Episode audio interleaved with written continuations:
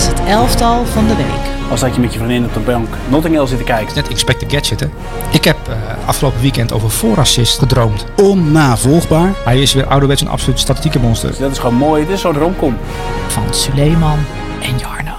Daar gaan we het zo over hebben. Jongens, welkom bij een nieuwe aflevering van het elftal van de week. Ik kreeg al een vraag van Suleiman. Welke spelers gaan we uitgebreid bespreken en welke spelers gaan we iets korter bespreken?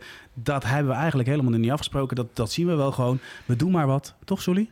Nou, we doen helemaal niet maar wat. Ik heb me eh, voorbereid. Ik heb, ik heb heel veel beelden bekeken. Ik heb ook dingen herbekeken om eh, de diepte in te gaan. En ik heb me ook nog eens verdiept achter eh, de psychologie van bepaalde spelers. Dus ik heb, ik heb mijn huiswerk gedaan. En dan krijg ik te horen van we gaan bepaalde spelers Oh, kort. En wil ik wel weten welke eventjes. spelers kort. Maar wacht, eventjes over we doen maar wat. Dat, dat is, zit natuurlijk wel anders. We kijken allebei heel veel voetbal. We kijken de momenten live, we kijken de momenten terug. Alleen uiteindelijk ontstaat hier iets. En dan kan het zomaar zijn dat je het over een slechte film hebt, over een aparte actie die we toch allebei gezien hebben. Dus dat is meer van, je moet Ah. soms ook een beetje het op zijn beloop laten. Ja, maar we doen maar wat klinkt van we gaan hier zitten en eh, we doen maar wat. Maar ik doe niet zomaar wat. Dit is, dit is, dit is, eh, dit is vakwerk. Dit is zeker vakwerk. Ja. Want ehm, we hebben straks weer een uitgebreide analyse. Weet je al over wie? Ik hoop per schuurs. Misschien, eh, misschien hè, zit het erin. Ja? Let op, maar we gaan beginnen met de keeper, want dat is Diogo Costa. Ehm, de voetballende keeper van Porto in dit geval. Trouwens, ik wil nog wel even voordat we de keeper gaan bespreken. Pippe, die is nog wel snel, hè? Nou, als je de wedstrijd eh Pachos de Ferreira Porto Wat Zeg je dat mooi? Eh, ja, ik heb straks nog meer verrassingen voor je. Oké. Ehm, 0-2. ehm, en Pepe, die, eh, of Pepe, ehm, die met zijn 40 jaar en een nieuw contract, dus hij gaat nog een jaar door ook bij Porto, is toch een zeer belangrijke speel nog achterin. Zag je die en- sprint? ja, nou, maar hij- hij- jij vindt hem niet snel meer? Jawel, ik was echt verbaasd. Ik Oh, je, was, oh, je bedoelt positief. Je Ja. bedoelt- ja. Ja, maar Pepe is gewoon een topverdediger. En het is echt waanzinnig knap dat hij op deze leeftijd nog zo belangrijk is. Want eh, we gaan het over de doelman hebben, Diego Costa. Of Diogo Costa. Eh, maar van heel veel ballen van Costa gaan wel richting Pepe. Want daar begint eigenlijk alles bij bij Porto. Ja, 100%. Eh, Nou, laten we de doelman er even bij pakken. Jij geeft er recht aan van eh, valt op in eh paasnauwkeurigheid. Wat mij dan daarin opvalt is dat hij het spel op gang houdt. Hij er krijgt hem wel Ja. wat rust. Hij weet welke opties hij heeft en hij is heel snel in het ja, hervatten van het spel. Nou, we hadden vorige week had jij een college Mike Magnan. Ehm, wat, wat, wat fantastisch in elkaar zat. Eh, daar hebben de mensen van genoten. En ik ook. Ja. Eh, ik dacht, ik wil op zoek naar nog een eh, voetballende keeper. eh, Die ook in de belangstelling staat natuurlijk van Manchester United. Van De Gea, die, die kan minder goed meevoetballen dan Erik ten Hag wenst. En dat Diogo- Costa moet ongeveer 50 miljoen euro kosten. En ik wil eigenlijk van jou weten of hij 50 miljoen euro waard is. Ehm, ik, ik- deze beeld eh, tegen Pachos de Ferreira is het zo dat eh, Porto speelt uit. Pachos probeert druk te zetten. Het lukt een aantal keer niet zo goed, omdat de druk zetten, ja, daar zijn ze niet zo goed in. Dus voetbal is makkelijk onderuit. En voor de rest is het veel op de helft van de tegenstander. Dus je, je kan Di- Diogo Costa niet goed beoordelen. Dus ik heb mijn huiswerk gemaakt. Ik heb meer, meerdere beelden bekeken. En vooral ehm, het, wat jij zegt, het uitvoetballen. Dat is een Ja. van zijn sterke punten. Ehm, en wat mij opviel eh, bij het bekijken van Diogo Costa eh, en het meevoetballen is dat hij dat inderdaad het spel niet vertraagt, het spel snel verlegt. Hij kiest ook soms de diepte ehm, en hij kan ook eh, counters inleiden met eh à la Alisson Becker, weet je wel, zo'n bal uit de hand Ja. geschoten. Ehm, en ik heb hem ook een aantal ballen zien geven met zijn verkeerde voet. Om, Klopt, het, ja. om het spel Ja, lang toch- en kort, hè? ja, lang en kort. Dus, Ja. dus, dus, dus eh, hij is daar wel mee bezig. En als je dan gaat verdiepen, want dat, dat is wat je bij keepers moet doen. Eh, en Diogo Costa, die zit ook nog eens zo in elkaar... dat hij net als Mike Magnan een hele studie maakt van tegenstanders. Ehm, dat hij van, van bij de tegenstander precies weet... eh, wie de penaltynemers zijn, hoe ze de penalties hebben geschoten. Maar ook gaat be- bestuderen hoe nemen zij een penalty, wat is hun gedrag. Dus niet alleen dat je weet links... Nee, gewoon dat je de aanloop al bestudeerd hebt. Maar niet één keer, maar gewoon tientallen keren. Zodat je in zo'n aanvaller kan kruipen als keeper. Het is ook nog eens een penalty killer, hè? Het is een goed meevoetballende keeper, maar ook een penalty killer. Is de Gea een penalty killer? Nou ja, Vind ik niet. hij heeft ze wel geholpen tegen Brighton, maar goed, eh, hij werd overgeschoten, hè? Ja, nee, maar ik vind de Gea eh, geen penalty killer. Ik vind hem wel iemand die op de lijn en vlak voor de lijn weergaloos Ja. is op schoten van afstand. Weet je. Hij pakt echt weergaloze ballen. Is Maar- Costa dat ook? Ja, ik vind Diogo Costa vind ik een vrij complete keeper. En ik denk dat deze jongen uitgedaagd kan worden door Ten Hag en een nog betere keeper kan worden. En dus hetzelfde kan meemaken als bijvoorbeeld Aaron Ramsdale. Dat je denkt van, nou ja, uh, Aaron Ramsdale, wat moet Arsenal daarmee? Maar Ja. dat is natuurlijk wel een enorme verbetering gebleken voor, voor die ploeg. En ik denk dat Diego Costa wel een keeper is die eh, met hulp van een goede trainer en met een beetje zelfvertrouwen eh, ook nog beter kan worden. En misschien wel eh, dat zijn kwaliteit er echt uitkomt. Want dat is echt een goed, eh, iemand die goed kan meevoetballen. Ik vind Alleen een betere versie van, eh, van Onana. Een betere versie van Onana. Nou, Ja, dan, dan nou, heb je waarom? wat. Ja, maar dan heb je zeker wat. Kijk, Onana die had natuurlijk ook, die had, was in zijn korte passing was hij goed. Die ging tussen centrale verdedigers staan. Die had ook een goede lange paas. Op het moment dat een tegenstander druk ging zetten, kon hij ook direct spelen. Kan hij ook. Alleen ik vind hem daar veel sneller in. Hij handelt gewoon veel sneller. Nou, en dat wil is- niet zeggen dat dat altijd goed is. Soms ook goed om te temporiseren. Maar ik, ik vond in dit geval vond ik de snelheid van handelen, eh, zowel in, in snel de back aan de overkant spelen, een, een middenvelder in door de assen inspelen, een lange bal inspelen, Peppe inspelen, heel divers, maar vooral heel snel. Ja, nou, dat is allemaal dat zijn positieve punten. Dus, eh, maar ben je het daarmee eens? Vind jij hem ook een ja, betere ben versie van Onana? Ja, ehm, nou, of ik het een betere versie vind, eh, Onana, vind ik moeilijk in te schatten. Oh, eh, vind ik ook een beetje vreemd om zo te zeggen. Maar, eh, Want? Nou ja, omdat je hem eigenlijk Diego Costa, Diego Costa en eh, net als Mike Magnan en Onana, vind ik hem een, een, een keeper die meer is dan alleen een keeper die ballen tegenhoudt. Hij is ook iemand die als eerste verdediger eigenlijk zo'n aanval op, op gang brengt. En dat is tegenwoordig ehm, belangrijk, omdat eh, ja, alles staat tegenwoordig vast. Want eh, er wordt een studie gemaakt van alles. En dus je, moet, je hebt een extra iemand nodig om het spel op gang te brengen en om een snelheid in dat spel te brengen. En daar kan een keeper voor zorgen. En daar is hij wel een prototype van. Dus ik vind eh, ja, dat, jij, dat jij met Onana vergelijkt, zegt iets over deze keeper. Dat het een keeper is die in een bepaald profiel past. Ja. Um, of hij beter of slechter is dan Onana, ja, dat, dat is dan moeilijk in te schatten, vind ik persoonlijk. Ja, dan moeten we maar kijken eh, of dat zover is. Hij zou wel bij United passen, dat is wel duidelijk. Wat voor cijfer krijgt hij voor zijn optreden tegen Pacos Ferreira? Nou ja, hij heeft weinig fouten gemaakt. Een, een 9. Ehm, ja, ook de keeper met de meeste passes in Portugal. En eh, ik heb ook gevraagd aan, eh, aan, aan Misha een vergelijking met, eh, met De Gea. En dan zie je ook dat hij per 90 minuten meer passes verstuurt. Ehm, het redenpercentage is hoger en de passnauwkeurigheid is ook veel hoger. Ehm, dus hij is in, in, in die facetten die, die Ten Hag belangrijk vindt... eh, stat- statistisch gezien beter. Alleen het is natuurlijk wel de Portugese competitie. En, en je weet, Ja, dat Premier dus League, druk, eh, snelheid is totaal anders. Maar als hij die switch kan maken, kan het een, eh, kan het een spectaculaire keeper worden in de Premier League. Ja, helemaal eens. Zullen we dan doorgaan naar de volgende? Zeker. En dan komen we gelijk bij de analyse, want we hebben het namelijk over Per Schuurs. Ik heb drie momenten uitgezocht. Ik heb een slimme loopactie eruit gehaald en dat lijkt heel simpel, maar dat is het volgens mij niet helemaal. En vervolgens de passing tussen linies en de lange paas. Nou, laten we beginnen met het eerste fragment. Kijk, hier eh, gaat hij in duel met een speler van eh, Lazio. Hij dekt door en hij gaat zo meteen dat duel winnen. Dat zie je hier ook. Vervolgens haalt hij hem eh, eruit bij Singo. Maar wat hierna gebeurt, en dat klinkt heel simpel... en ik denk dat de meeste verdedigers blijven staan... maar hij maakt een loopactie gelijk naar voren... waardoor Singo hem er makkelijk uit kan halen... en Torino weer opnieuw kan opbouwen. En dan denk je van, ja, weet je, een simpele loopactie... maar het zegt wel veel over Torino... omdat Torino heel comfortabel aan de bal is... en een goed voetballende ploeg vanuit een 3-4-3-formatie... Nou, dan gaan we naar het volgende moment. Dan zien we hier de passing tussen linies. Per Schuurs is hier aan de bal. Lazio verdedigt vanuit een 4-1-4-1... waarbij de as helemaal dicht staat. En toch weet hij een moment te vinden dat hij hier deze man aanspeelt. Vlaas iets in dit geval. En dan kun je zeggen, ja, wat, wat zegt zo'n paas? Nou, dit zegt zo'n paas. Want ze staan heel compact, Lazio. Hij draait backs in voorwaartse beweging, spits in voorwaartse beweging, Vlaas in voorwaartse beweging. En dan krijg je deze situatie. Volgende moment. Opnieuw compact. En dan zie je dus ook weer dat hij rustig kijkt. En vervolgens hier een middenvelder weer vindt. En met deze paas, Julien, dat is het eigenlijk. Op het moment dat hij gelijk goed indraait, is hij zes spelers kwijt. En krijg je ook weer deze situatie. Ja, mooi. Nou, dit vind ik, ja, dit vind Dit ik vind mooi. mooi. Ja, ik, vind, Ja, ik krijg hier een lach van op mijn gezicht. Ja, ehm, want eh, Per Schuurs heeft een aantal kwaliteiten. En een van die kwaliteiten is dan dit soort laserpases. Ja, Ehm, waarbij die eh, stationnetjes bij de tegenstander overslaat. Dus waarbij die tegenstanders uitschakelt. En in dit geval schakelt je het heel middenveld uit. En kom je eigenlijk uit bij de verdediging van Lazio plus de controleur. ja. Ehm, dus die, de eerste vijf zijn uitgeschakeld door één paas. Die, die momenten lezen en zien, dat kan per Schuurs. Dat heeft hij ook in Nederland wel bewezen.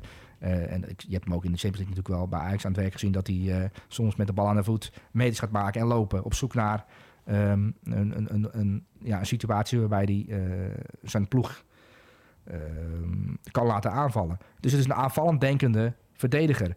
Ehm, en hij speelde nu tegen Felipe Anderson. Die speelde vanuit de punt hè, eh, van, Ja. van de spits. Klopt, ja. Omdat Immobile natuurlijk... Ja, met eh, Alberto in de buurt. ja, Um, omdat, ja, Immobile, die, die, kwam de tweede helft erin. Omdat hij natuurlijk die is met zijn auto tegen een tram geknald. Um, maar Felipe Anderson die bewoog continu weg uit de spits. Dus, en Perscu had natuurlijk ook de opdracht van Juric, de trainer van Torino, om met hem mee te bewegen en korter op te zitten. En ik vond ook dat, jij ligt nu het voetballende gedeelte uit. Maar wat ik sterk vond in deze wedstrijd ook, en daarom heb ik hem genomineerd, uh, dat hij ook zijn duels, verdedigd gezien, bijna allemaal won. En ook de sprintduels, de diepte in. Dus de, uh, weet je wel, uh, dan Philippe Anderson gaat diep. Of ja. een andere speler gaat diep van, van Lazio. Die won hij ook. En ik, de tweede helft komt Immobile erin. Ehm, en dat is natuurlijk een goaltjesdief die zijn kansen afwacht. En ook als hij dicht moest zitten op Immobile, zat hij er dicht op. En won hij ook al die duels. Uh, dus ik vond het een vrij complete prestatie. En zijn ja, unieke gave zijn dit soort basis waarmee hij het spel kan versnellen. En uh, ja, dat prima dat je dat eruit legt. Ja, maar het is wel goed dat je zegt. Want in het eerste moment zag je dat ook, dat hij doordekte. We ook de lange paas erbij pakken. En dan moet je even opletten naar het eerste fragment. Uh, je ziet hier, Lazio gaat aanvallen. Hij scant de situatie al. Hij staat daar in een 1 op 1 met Immobile. Die bal die komt er zo meteen aan. Hij gaat het wel niet eens aan. Hij leest het gewoon goed. Hij komt ervoor. En wat hierna komt, en dan, dan praat je ook weer over de andere kwaliteit. Hij legt hier, komt hij dus, nou ja, komt hij helemaal vrij. Hij dribbelt het middenveld in. En hij geeft met één paas gooit hij de hele verdediging van Lazio open. En dat vind ik wel mooi. En dan als je het volgende moment pakt. Maar dat is wel vanuit de situatie inderdaad dat hij het spel goed leest of goed doordekt. Hier zie je al dat hij kijkt, want hij is al bewust met het spel bezig. Die bal wordt er zo meteen uitgehaald door Buongiorno. Mooie naam trouwens, de linkercentrale verdediger van Torino. Hier staat hij al gelijk goed ingedraaid. En vervolgens speelt hij uh, Singo in. En staat hij vogeltje vrij. En kan Torino weer lekker doorvoetballen. Maar ik vind het wel goed dat je het zegt, want dat doordekken... Dat, ja, had hij dat bij Ajax nou wel of niet? Weet je? Want hij werd natuurlijk uh, gehaald als de opvolger van de Licht, die daar echt een meester in was. Maar daarin oogt hij altijd wijfelend. En dat had hij nu helemaal niet. Ja, ik, ik, twee dingen denk ik. Um, ten eerste, het, we zijn wat verder in de tijd. Um, en een ander ding, en dat heeft ook met tijd te maken, maar ook niet, uh, is vertrouwen. Bij Ajax was het toch, oh, Persfuurs komt erin, we spelen Champions League. Gaat als dat maar goed gaat. Wantrouwen. Um, want ja, het was geen de licht. Um, en wat hij nu bij Torino op een iets lager niveau, want daar hoef je niet elke wedstrijd te winnen. Um, daar, daar kan de trainer juridisch bezig zijn met spelconcept, met spelideeën, met uh, de bal van achteruit opbouwen. We verliezen een keer met 3-1, maakt niet uit. We, doen het wel op deze manier. Hij krijgt het vertrouwen, hij is daar nieuw gehaald. Um, krijgt in de eerste week te horen, je gaat hier veel leren. Uh, we kijken wel wanneer je er precies inkomt. bij Torino zijn ze toch verbaasd door de kwaliteiten van Perschuus. Die trainer denkt ook, maar hij, die kwaliteit die hij heeft van achteruit met die pases, dat is wel echt iets dat, dat we gebruiken. dat wist je bij Fortuna eigenlijk al, toch? Tuurlijk. Dus dat is zijn basis. Ik vind dat zijn grootste, zijn grootste kwaliteit is, is dat vermogen om dat soort pases te geven. Uh, met precisie, op snelheid. Uh, en, en, ook de durf om drie, vier man, vijf man soms uit te schakelen met één zo'n paas. Um, en ja, zijn mindere punten. Uh, zet hem tegen Ozyman en één tegen één, de fysieke duels. Uh, als ik het over zijn ijsperiode heb, dat je dat al gaat dat wel goed. Uh, zo, jij noemt het woord wijfelend. Nou, ik zie geen wijfelend meer in zijn optredens nee, nu. Nee. Um, ik vind hem zelf zeker ogen. Maar als je gaat kijken naar um, de ontwikkeling die hij heeft doorgemaakt bij Turino, is wel echt enorm. Hij heeft een enorme ontwikkeling doorgemaakt de afgelopen maanden. Uh, en ik vind hem heel zelfzeker ogen als middelste man in een, in een driemansdefensie. En het verbaast mij dan ook niet dat Napoli denkt: hey, interessante speler. Dat bij ze bij AC Milan denken, hey, dat moeten we in de gaten houden. Jonge uh, speler met bepaalde kwaliteiten aan de bal, die ook verdedigend steeds beter aan het worden is. Um, die je gewoon op Felipe Anderson kunt zetten of Immobile kunt zetten. En waarbij je, als je de bal hebt, ook nog uh, een enorm veel meerwaarde hebt. Dus per schuur is naam aan het maken in de Serie A. En dat is natuurlijk leuk om te zien. En het is ook weer toch een pleidooi voor... je moet meer rust hebben met spelers om ze te laten ontwikkelen. Maar je moet spelers ook um, een elftal en een veldbezetting en ja, een, een, context en een structuur aanbieden waarbij hun kwaliteit tot uiting komt. Je kunt van Perschuurs niet verwachten dat hij een Matthijs de Licht is. Want Matthijs de Licht en Perschuurs lijken in geen honderd jaar op elkaar. Dat rijmt bijna. Um, maar het zijn gewoon twee totaal verschillende karakters, twee totaal verschillende spelers. Um, want wat Perschuurs kan, met die basis dat heb ik Matthijs de Licht nog nooit zien doen over kort en lange afstand. Hè, heb ik het over. Nee, nee, dat, ben ik Matthijs de Licht is comfortabel in balbezit bij Bayern München. En, en in vergelijking met misschien Franse verdedigers. Um, maar ik vind Per Schuurs op dat gebied een unieke kwaliteit hebben. Wat je, wat je al zag op 17-jarige leeftijd eh, bij Fortuna Sittard inderdaad. Ehm, maar nu komt de ware Per Schuurs meer naar buiten bij Torino... omdat zo'n trainer, ehm, en dat zie je in de hele ploeg terug... Bedoel, jij hebt het over Singo, die ligt je uit. Ja, Singo is inderdaad bij Torino iemand die het breed houdt, die diepte maakt en die aanspeelbaar is. Ja. Zijn, dat, is dat is een soort baanrenner ehm, of eh, hardloper. En nou, Per Schuur is iemand die, eh, die, die, die leespases moet geven en die spitsen moet uitschakelen en daarin eh, steeds beter wordt en zodanig goed wordt dat, dat, ja, dat het grotere clubs toch denken, goh, interessante speler. Alleen is de leuk om grote te clubs of moet Common hem ook in de gaten houden? Ja, maar daar heb je het alweer mee te maken. Met in welk systeem speelt hij nu? En Koeman heeft daar natuurlijk al een aantal dingen over uitgelegd. Ja, ik speel dit systeem. En eh, als je eh Frimpong niet selecteert vanwege een bepaalde opvatting... Ja, dan kan ik me ook voorstellen dat je per schuur links laat liggen. Ehm, Ja. maar ja, eh, eh, als je gaat spelen zoals Torino speelt... eh, zo'n dynamisch bewegend geheel... en iedereen is aanspeelbaar als Per Schuurs eh, eh, in balbezit is... en iedereen beweegt ook zodanig... Maar dat ehm, zie je ook ontstaan, in gedacht. Nou, maar je, je ziet dus, in, bij, en dat zie je wel bij meer Italiaanse trainers... spelers bieden zich aan om een ander vrij te krijgen. Spelers lopen vrij om een ander vrij te krijgen. Spelers die vrij lopen om een ander vrij te krijgen... dat weten de, de rechtsback weet... oh, ze lopen niet vrij om aanspeelbaar te worden... maar ze lopen vrij om, om straks... dat ik straks op die rechterkant die bal kan krijgen. Dus spelers denken daar een paar stappen vooruit. Sully, als ik jou dit hoor zeggen, dan, dan moet eh, Per Schuurs naar Brighton. Nou, ik denk dat de Serbi, ehm, als hij het voor het zeggen heeft Brighton... en Brighton heeft natuurlijk wel een uniek scouting systeem... en die halen over de hele wereld, eh bedoel, Mitoma ontdekken... is natuurlijk wel de grote verdienste van Brighton geweest... zodat zij eh, op een basis van een aantal statistieken eh, dachten van... hé, hey, maar dat loopt een potentiële wereldtopper. Ehm, die halen we. En het, per hadden ze natuurlijk al bij Fortuna eigenlijk moeten oppikken. Ehm, maar het zal mij niet verbazen als de Serbi ehm, zich, zich hard maakt voor een verdediger eh à la Per Schuurs. Want die zou in, het spelsysteem van Breiten en, en de opvattingen van de Serbi... zou die perfect passen naast Louis Dunk. Of op de plek van Louis Dunk. Ja, dat kan zomaar kunnen. Dus goede- eigenlijk zou Per Schuurs gewoon de centrale man kunnen zijn in het voetbal van de toekomst. Dat gaat heel diep, maar dat is wat Nou, Guardiola laat wel- zijn. Dat, dat is, eh, ja, dat is, eh, ja, eh, ja, Guardiola is een enorm, die, die kijkt liever naar Brighton dan naar Manchester City. Het, terwijl hij trainer is van Manchester Ja, City. maar ik moet wel zeggen, ik zag je elftal binnen en, en misschien verklappende. Er zat niemand van Brighton in. ja, ik weet Terwijl dat je- jij weet hoe, want, want ook bij jou thuis, ik heb de verhalen gehoord, hè, je kapsel is bijna naar de kloten gegaan vanwege Brighton. Ja, ik- Zo intens heb jij die wedstrijd beleefd. Nou, ik heb, nou, ik heb Brighton Manchester United zitten kijken. ehm, en, en mijn, Best vrou- mijn, vrouw 0-0 is, sinds tijden. mijn vrouw is ook mijn kapper, hè, dat weet je. Jazeker. Eh, dus ik wilde graag geknipt worden. Ehm, ik had net mijn dochter naar bed gebracht. eh, en Brighton United opgezet. Dus ik zat klaar op de kapperstoel. Dat is een soort krukje. Ik had me recht voor de tv gestationeerd. En ik zat heerlijk de verlenging. Het was Jij bent ook echt een prinsje ook, jij, hè? Nee, nee, helemaal niet. Duidelijkheid. Oh, Eh, jij structuur. helemaal de duidelijkheid, structuur. Nee, nee, nee, nee, helemaal, Oh. helemaal geen prinsje. Nee, ik moet heel veel zelf doen. Maar eh, mijn vrouw die knipt mij graag. Ik bedoel, mij knippen is echt een, is heel leuk. En ondertussen voetbal kijken. Ehm, een kop koffie erbij. En op een gegeven moment, eh Mitoma die breekt door met een dribbel. En, Niet normaal. Oh. ja, ik, ik, die, Ja. En, en, en, ja, en dat moment schrok ik op. Uh, In enthousiasme. En schoot ze uit met de, eh, met de tondeuze. Want eh, het- dat wordt dan een, een gek opscheer, weet je wel. Eh, dus het is iets verder gegaan dan, dan ze wilden. Maar ik moet eerlijk zeggen dat ik zeer tevreden ben over het eindresultaat. Iets korter. Dus ik overweeg.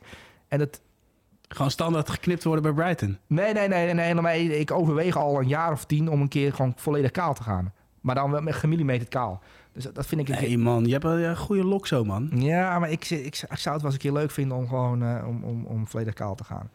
Ehm, maar goed, dat is weer iets, heel iets anders. Ja. Ehm, maar Brighton United vond ik een hele leuke wedstrijd. Omdat ik weer genoten heb van de patronen bij Brighton. En eh, van een aantal spelers die allemaal kunnen uitblinken. Omdat de trainer eh Louis Dunk... Je kun je denken, ja, Lou- Louis Dunk, wie is, wie is Louis Dunk nou? Maar die kan, we hebben het dan ook een keer uitgelicht. Die kan geweldig, zoals Per Schuurs van achteruit, eh, linies overslaan. En, en, het, en dan, zodat het spel dan versneld kan worden. En bam, aanvallen, Mitoma inspelen, één op één.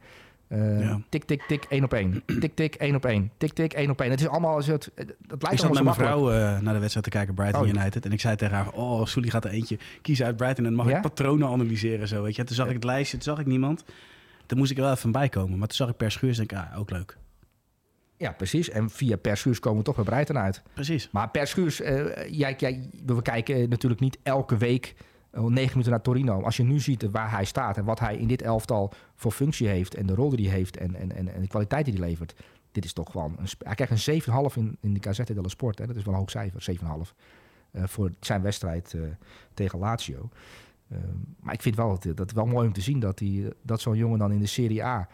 Um, in een tactische competitie. Uh, kan uitblinken met een van zijn grote kwaliteiten. Dat is toch leuk om te zien? Absoluut. En wat voor cijfer levert dat op, Solly? Een 9. Een 9, mooi. We gaan door naar de volgende. Um... ik geef iedereen elke week een 9, dus het zal niet meer verrassen, toch? Nee, maar af en toe. We hebben laatst uh, iemand een 6 gegeven, toch? Ja, ja, dat was Haaland heeft een 6 gekregen, ja. dat was heel mooi. hey, uh, Suyunchi, die hebben we natuurlijk eerder uh, een aantal keer in de elftal gehad, maar die zijn een beetje ja, van de lang geleden. Dat is inderdaad lang geleden. Maar ik heb van de duels met nou, vooral Diego Costa echt niet normaal. Het was soms een, echt, echt een kernexplosie met z'n twee. Niet normaal, man. Ja. ja.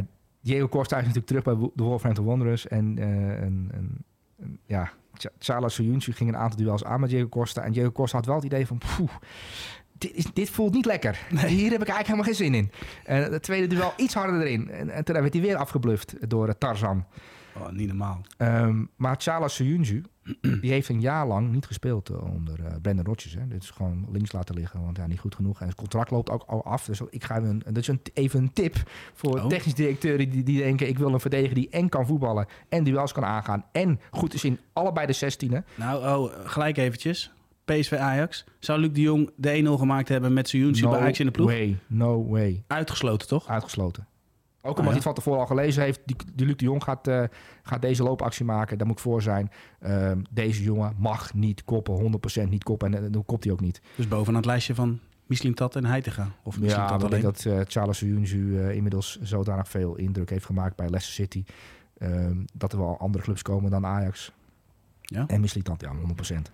Um, maar de, duels met Diego Costa, dat, dat, ja, die kun je uitlichten en gewoon even naar kijken. Dat is gewoon een soort... Uh, uh, slechte schurken movie. Hè, waarbij de slechte schurk door, door, de, door de, de, good, de good guy wordt vermorzeld. Eigenlijk, fysiek gezien. Um, maar wat ik wel leuk vind, is waarom speelt hij? Waarom is Charles Soyuncu na zo lang reserve te zijn geweest... Um, is hij nu gekoppeld aan Wout Vaas? En dat... Nou ja, die goed aan de bal was. Ja, Ga door. Ja, Dean Smit is trainer geworden. En de assistent van Dean, Dean Smit is John Terry. Dus John Terry zit die kijkt dan als assistent naar die trainingen en die denkt, ja, maar die Charles Junge, dat is niet normaal op training. Wint elk duel, elk kopduel. Als we het hoekschoppen gaan trainen, kopt hij alles binnen. Ja, is hij niet te goed voor um, de reservebank? Dus John Terry loopt naar zo'n Dean Smit. Ja, ik denk dat je, dat je Charles Junge daar uh, links centraal achterin moet zetten. Dat is niet normaal. Hoe die jongen traint. Maar hij trainde slecht hè, volgens Brendan Rodgers. En dat was niet uh, goed ja, genoeg. kan ook zijn dat er iets voorgevallen is, toch? Tussen die twee. Ja, Zo werkt er ook wel met trainers. Je hebt ook te maken met jongens die een aflopend contract hebben. Je hebt ook te maken met karakters. Je kunt ook soms na een jaar denken... Oh, daar heb je die uh, wandelen lijk weer met zijn, met zijn mening. Weet je wel? Denk je dat wel eens over mensen? Dan heb je het wandelend lijk weer met een mening. nee, dat zou nee. Wel eens gedacht hebben over uh, de trainer van uh, Leicester City. Je hebt wel eens wat gedachten toch over mensen. Tuurlijk. Um, en uh, dan, dan, dan, dan, dan breekt er iets af en dan heb je geen contact meer met elkaar. En dat gebeurt in het voetbal natuurlijk heel veel met voetballers die denken, oh jeetje, heb ik helemaal geen zin in. En dat straalt dan ook een beetje uit. En ja, dan heeft zo'n trainer ook minder reden om jou te selecteren. En, um, maar als je zijn prestatie ziet tegen Wolverhampton Wanderers, hij was echt waanzinnig goed. Ja. Uh, aan de bal was hij goed. Uh, ik vond hem bij alle hoekschoppen van Leicester City was hij gevaarlijk. Creëerde continu chaos. Ja, en uh, verdedigd te zien, ook top. Won al zijn duels van Diego Costa. En daarna ook degene die Costa verving. Dus ja, gewoon getonnen. Echt een topprestatie. Ja. En Leicester City, uh, moeten we niet vergeten, ze zijn kampioen geworden, maar in degradatieproblemen, daarom ook een trainingswissel, hebben de punten hard nodig. Dus het is ook nog eens een, een, een geweldige overwinning. En dan komt zo'n type verdediger als Suyuncu ook wel erg van pas. Ja, maar je had nooit in deze problemen moeten komen. Met deze selectie, als je ziet wat er bij, bij, bij Leicester City op het veld staat. Want we hebben het ook, Soumaré bijvoorbeeld, we hebben het ook een keer uitgelicht. Hè, als een soort Kante die Zeker. voor de defensie alles wegstofzuigert. En dan heb je daarnaast Tielemans. Die, Geweldig speler ook. Die, die aan de bal een geweldige kwaliteit heeft. Die wel de goal inleiden. Maakt een fout. Ehm, maar als je Soumaré, uh, Tielemans hebt, je hebt Seyunzi, je hebt Wout Vaas die zich geweldig aan het ontwikkelen is nu bij Leicester City. Je hebt die aanvallers, je hebt Madison, je hebt Vardy. Dan kun je toch niet in, in de degradatieproblemen komen. Dat ligt dan echt aan de trainer. Dan kun je niet aan zeggen van ja, de kwaliteit van de selectie. Nee, rot op. Je bent gewoon een slechte trainer. Sommige trainers, en dat is wat ik, wat ik me wel opval de laatste maanden en weken. Sommige trainers die krijgen een soort na een verloop van tijd toch een soort blinde vlek. Dan denk je, ja, wij doen het op deze manier. Nee, dan moet je het op een andere manier doen. Want die spelers zijn goed genoeg. Ja, het is vaak ook wel een combinatie. Soms, soms kan het ook zijn dat, dat, uh, dat uh, met de selectie, dan, dan is het werk aan de technisch directeur. Nou, we komen zo op het spelen. Beter, we komen zo. Ja, maar je, je, we komen op een aantal spelers zo uit. En, en de, eerste, de eerste is daar al een voorbeeld van, Kamavinga. Uh, maar Zullen we eerst een cijfer geven dan aan Siunchi? Nou ja, als je gaat kijken, um, spelen met de meeste uitvegende acties, uh, 7. Uh, meer balcontact in de vijandelijke 16 dan uh, bijna alle andere spelers. Dat is ook wel knap voor een verdediger. Meeste balcontact aan zijde, meeste passes aan zijde. Dat zegt iets of hij aan de bal ook kwaliteit levert. Nou, en hij won, ja. hij won al zijn duels. Um, hij, hij, heeft elf duels is hij aangegaan en hij heeft elf duels gewonnen. Um, en dat is bijna een record in de Premier League dit seizoen. Dus, dus een 10. Dus een 10 ja. voor zijn topprestatie tegen, tegen de Wolverhampton Wanderers. Logisch. Hey, dan gaan we naar Camavinga. Dat is misschien wel de speler waar ik het meest van genoten heb. Wat, ja, ik, ik, weet eigenlijk niet zo goed wat ik gezien heb. Ik, ik zag hem aan de binnenkant ja. pasen. Ik zag hem wegdribbelen op eigen helft. Op een gegeven moment werd hij op eigen helft ingespeeld. Uh, werd hij onder druk gezet door drie man. Rustig. Kapt er een uit. Speelt er een uh, aan. Het is echt ja, krankzinnig wat die jongen laat zien. Op alle vlakken. En hier heb jij geen beelden van? Nee. Oh, jammer. Maar um, ja, we moeten even... Eduardo Camavinga is 20 jaar. Dat moeten we even erbij zetten. Of bij zeggen. Ja, nu even de linksback van Real Madrid. Nou, dat is dus de grap. Hij, is nu, hij is nu, even de linksback van Real Madrid. En we hebben het heel vaak gehad over uh, de inverted backs. Weet je wel. En het, uh, ja, ja, ja. Arsenal, uh, Zinchenko, Pep Guardiola. Dan kun je een hele rijtje opnoemen met dat soort spelers... die als back soort spelmakers zijn. Ehm, maar Carlo Ancelotti... die, die Edu Eduardo Camavinga natuurlijk dagelijks ziet trainen... en zijn zoon ook de zoon van uh, Carlo Ancelotti is natuurlijk de assistent ja. van Real Madrid. En die zit uh, met zijn beeldschermpje uh, iets meer in de tactiek. Um, maar Eduardo Camavinga is ja, een heel jonge speler die ongelooflijk goed is. Maar waar zet je hem nou neer? Um, ja, ik denk uiteindelijk toch dat linkshalf zijn beste positie is. Nou, wat ik, wat ik, deze wedstrijd heb ik echt leuke dingen gezien. Maar ik, op een gegeven moment, ik heb genoteerd, minuut 59, voor als mensen de wedstrijd niet hebben gezien. Mm -hmm. Minuut 59, Real Madrid, Celta de Vigo. Um, Celta breekt door. Uh, Camavinga heeft een afstand van 1,25 meter. 25, uh, gaat lopen en uh, met een geweldige tackle um, voorkomt hij dat Celta de Vigo weet te scoren. Het stadion ontploft, hè? Het is minuut 59. Hij is daarvoor al een minuut of 58 vrij briljant. Uh, want er gaat bijna niets mis. En alles vanuit een soort van uh, ja, vrijheid. En, uh, ja, maar er gaat niks mis, maar alles swingt ook. Ja, het is, ja ik wil dat woord. Ja, het, het swingt, het, is, het is, zit bijvoorbeeld soort het, gemak in, of, of plezier in voetballen. Uh, maar Eduardo Camavinga wil eigenlijk geen linksback spelen. toen die deed Deschamps op het WK zei...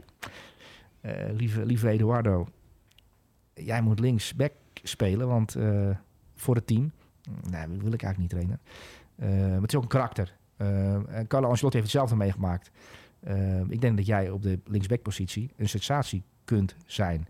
En als je deze wedstrijd hebt gezien in, in het Bernabeu-stadion, Camavinga als linksback tegen Celta de Vigo, die heel vaak tussen Benzema en Vinicius Junior ook in kwam te spelen. Ja. Uh, dat, dat is natuurlijk leuk om te zien. Maar op een gegeven moment, een minuut of kwart, ja, kwartier voor tijd, kwam hij ook weer terug op zijn eigen positie. Hè? Uh, want werd het omgezet bij Real Madrid en dan kwam hij uh, op de plek van uh, um, Chouameni te spelen. En hij had ja, vond ik hem ook weer waanzinnig. Ja, hij was, hij was de eerste 75 minuten al vrij goed bezig op die linksbackpositie. En zeer gevaarlijk. En als je ziet, we gaan zo de statistieken er even bijhalen, want die zijn waanzinnig. Maar als je gekeken hebt naar zijn, naar zijn prestatie op de linksbackpositie... is er één maar die je kunt, uh, die, die bij kunt zetten. En dat, dat zou je ook wel misschien over beginnen of niet. Um, maar ja, Riyad Mahrez. 1 tegen 1. Eduardo Camavinga. Is het dan ook à la Wan-Bissaka, een speler die een back of die een vleugelaanvaller uitschakelt? Zo'n speler is hij natuurlijk niet. Nee. Uh, het is iemand die, die op de helft van het... Als Breal de bal heeft eh, zich op een intelligente manier kan aanbieden, mee kan doen. Als, dus eigenlijk als back een verkapte middenvelder is. Ehm, het is ook een middenvelder van Ja, maar die zullen ze als team af moeten stoppen. Ik denk als, als Kroos dichter bij hem gaat spelen en hij krijgt goede rugdekking van Alaba of Militao of wie dan ook. Ik denk dat, dat je het zo Ja. op moet lossen. Maar de andere kant is, ja, weet je, je kan, je kan niet van hem verwachten dat hij alleen maar daarmee bezig is. Andere kant is ook natuurlijk van, ja, weet je, wat, wat is de intentie? Wil je überhaupt eh, op het moment het spel maken? Want Real Madrid maakte nu gewoon het spel. Ja, En dan zie je dat ze heel goed in zijn. Alleen ja, bij de Champions League weten we allebei dat dat niet gaat gebeuren. ja. Dus dan is ook de vraag, moet je hem dan, dan opstellen? Ja, nee, precies. En dat wordt. eh, dat, kijk, die wedstrijd Real City wordt voor sowieso voor allebei de seizoenen. Voor, voor Ancelotti, maar ook voor Guardiola. Ja, als je die wedstrijd, als je uitgeschakeld wordt, dan word je misschien kampioen. En dan win je misschien de FA Cup. Maar dan is het toch weer, ja, op het allerhoogste niveau ben je, ben je weer afgetroefd. Nou, heeft Real de Champions League gewonnen. Eh, al een aantal keer de afgelopen jaren.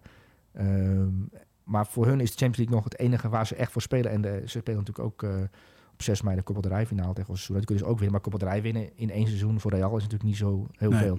En wat ik wel... ehm Eduardo Camavinga, die komt als jonge jongen binnen bij Real Madrid, 18 jaar. Ehm, en en dat, ik heb een interview met hem gelezen, ik echt leuk om te lezen. Ehm hij vertelde van, ja, eh, we hadden gewonnen. Eerste wedstrijd met Real Madrid, weet je wel. Het witte shirt aan. En denk, ja, we hebben gewonnen. En hij liep naar binnen en niemand was blij. Dus iedereen liep gewoon naar binnen. Een reguliere overwinning in de competitie. Maar hij kwam bij Stad Ren vandaan, of Stad vandaan. En, en ja, daar werd elke overwinning gevierd. Dus hij dacht, oké, maar wel raar, waarom ze dat niet vieren? Ehm, ze winnen een eerste prijs, een Coppa. Eh, wordt niet gevierd. Ja, eh, dus hij, op een gegeven moment gaat toch vragen, waarom vieren wij die overwinningen niet? We spelen bij Real Madrid. Eh, we, vieren alleen eigenlijk als we kampioen worden, als we de Champions League winnen. Winnen is hier vrij normaal. Dus die, jongen, die hele mindset van de jongen moest veranderen. Dus hij moest een kampioen worden. Die het, het is normaal dat je wint van Celta de Vigo. Het is normaal dat je wint van Sevilla. Het is normaal dat je wint van Almeria. Ehm, en je ziet nu wel dat hij met zijn karakter... Want het is wel een jongen die... Je ziet dat hij anders is dan ehm, een hardwerkende middenvelder... die het van minder talent moet hebben. Dit is een jongen die ongelooflijk getalenteerd is. En die, die met die talenten eh, in een elftal een bepaalde structuur moet vinden... waar hij dat talent kwijt kan. En nu op die linksbackpositie heeft hij dat wel gevonden. In dit soort wedstrijden tegen Celta de Vigo. Ja, En- maar en ook wat- wel met hulp van Kroos, toch? Want die zag je een paar keer uitzakken in de linkerzone... waardoor hij ook gevoed werd door middel van Kroos. Ja, Ceballos speelde. Kroos speelde niet. Dus je kwam in de tweede helft spelen. Ja, oké, oké, zo Die momenten dan Ja. kwam hij hoog en dan was Kroos degene die Ja, hem op Kroos aanspeelde. Tony Kroos is eh, sowieso een wat onderschatte eh, kracht bij Real Madrid. Die ik Modric, eh, Casemiro en nu Tchouameni, als hij speelt, of Federico Valverde. Maar Tony Kroos is iemand die altijd voor anderen denkt. Oké, de linksback is onderweg, ga ik, zak ik wel even terug. Oké, we moeten. ehm, eh, ze zetten hoog druk. De tegenstanders proberen mij onder druk te zetten. Weet je wat? Ik zak tussen centraal verdedigers in. Ik maak iets meer ruimte, zodat we iemand tussen links kan komen. Die denkt altijd in, vanuit hoe kunnen we dit op gang blijven houden. Oké, we hebben het even zwaar tegen Chelsea. Eh, we moeten achterin even die bal wat langer laten gaan. Dus dat we iets langer, langer afstand moeten afleggen. Tegenstander iets meer uit elkaar gerekt. En dan bam, tussendoor. Kroos is zo intelligent op dat gebied. Ehm, is, ja, dat is inderdaad zo. Het is heerlijk om met Kroos aan je zijde te spelen. Ja.